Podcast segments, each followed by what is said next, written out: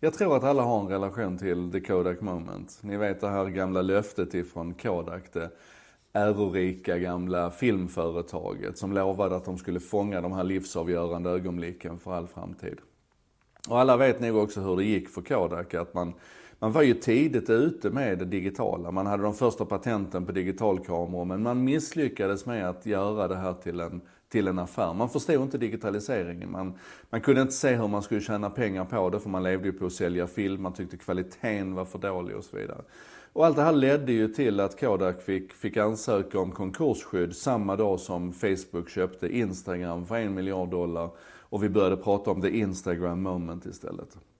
Det där är en välkänd historia om hur, hur det kan gå när man inte förstår tekniken. Och det är också en, en, en, ehm, en sorglig historia, tycker jag, på hur det kan gå när man inte förstår varför man finns. För det var ju det det handlade om. Kodak svek ju sitt löfte till oss. Det handlade inte längre om the Kodak moment, utan det handlade om att man ville tjäna pengar och bygga en affär.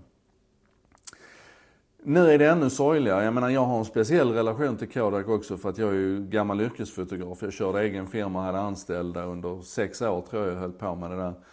Så att jag är ju verkligen inbäddad i Kodak och det gör det så fruktansvärt ont i mig att se det som håller på att hända nu. För nu, nu ägnar man sig åt bedräglig verksamhet och, och, det känns som att man lite grann också försöker överkompensera att man missar tidigare teknikspår genom att nu hoppa på det här bitcoin och blockchain-spåret. Jag vet inte om ni kommer ihåg, vi pratade för ett par ensaker idag sedan om det här företaget som egentligen tillverkade iste men som la till blockchain i sitt, i sitt namn och så helt plötsligt så mångdubblades deras börsvärde. Och nu händer samma sak med Kodak. Det nya Kodak nu det är ett, ett relativt litet företag, ett marknadsvärde på 100 miljoner. Men under CES här nu, den, den eh, amerikanska konsumentelektronikmässan, så lyckades man tredubbla sitt marknadsvärde i princip genom att man gick ut med två produkter som handlar om bitcoin och blockchain. Och det är ju egentligen inte Kodak som tillverkar det här längre utan Kodak är bara en paraply, en varumärkes, alltså det är bara varumärket det handlar om som man licensierar ut nu och, och smutsar ner på det fruktansvärdaste sätt. Det ena det är till exempel någonting som man kallar för Cashmaker som är en, en specialdesignad låda, egentligen är det en Kina-köpt låda som ska mina bitcoins och så köper du den för en hög peng och så finns det då ett, ett kompendium som lovar dig avkastningar och varenda tekniker som tittar på det här säger att det här är ju bara, det här är ju bara snake oil. Alla som fattar någonting om, om, om bitcoin förstår att den här kalkylen går inte ihop, den här maskinen. Det är bara scam, det är bara bedrägeri alltihopa. Och jag menar namnet cashmaker, alltså en, en sedelpress, det säger ju allt om hur fånigt och dåligt det här är.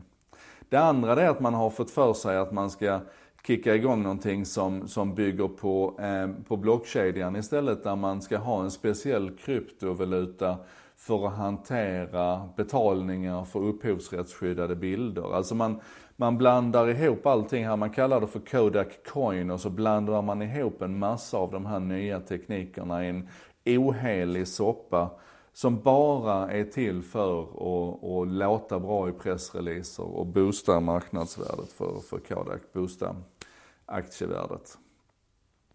Och jag blir så jäkla ledsen på detta. Och i det perspektivet så kan jag verkligen högakta gamla, eh, gamla facit. Ni vet de som gjorde räknesnurrorna. För att de försökte ju också hoppa på teknikspåren. De hade en datadivision, de var duktiga på det. Men sen så satte de sig ner och funderade och kom fram till att nej, men det är ju inte detta vi vill göra. Vi vill ju ha de här Sigvard Bernadotte designade eh, räknesnurrorna med mekaniska hjul i som vi älskar. Det är det vi är, det är det vi ska göra. Och kan vi inte göra det längre så lägger vi ner. Och det var ju det man gjorde. Man sålde hela företaget när, när det inte gick liksom längre och sen så la man ner verksamheten. Jag önskar Kodak hade gjort samma sak. Att, att varumärke kan få die with dignity istället för att utsättas för en sån här fruktansvärd process. Och jag vill koppla tillbaka det till, till alla oss människor, och individer också. Att vi inte får glömma bort vår reason to be. Varför finns vi egentligen? Och kanske framförallt att vi inte ägnar oss åt att överkompensera våra tidigare misslyckanden. Vi ska lära av dem, men vi ska inte tänka att oh, nu missar vi, som Kodak gör här, nu missar vi digitaliseringen förra gången, nu hoppar vi på blockchain och bitcoin här denna gången istället och så går vi all in på det och så blir allting glorious. Nej, det blir inte det. Det blir bara dumt och dåligt och fult, så gör inte det.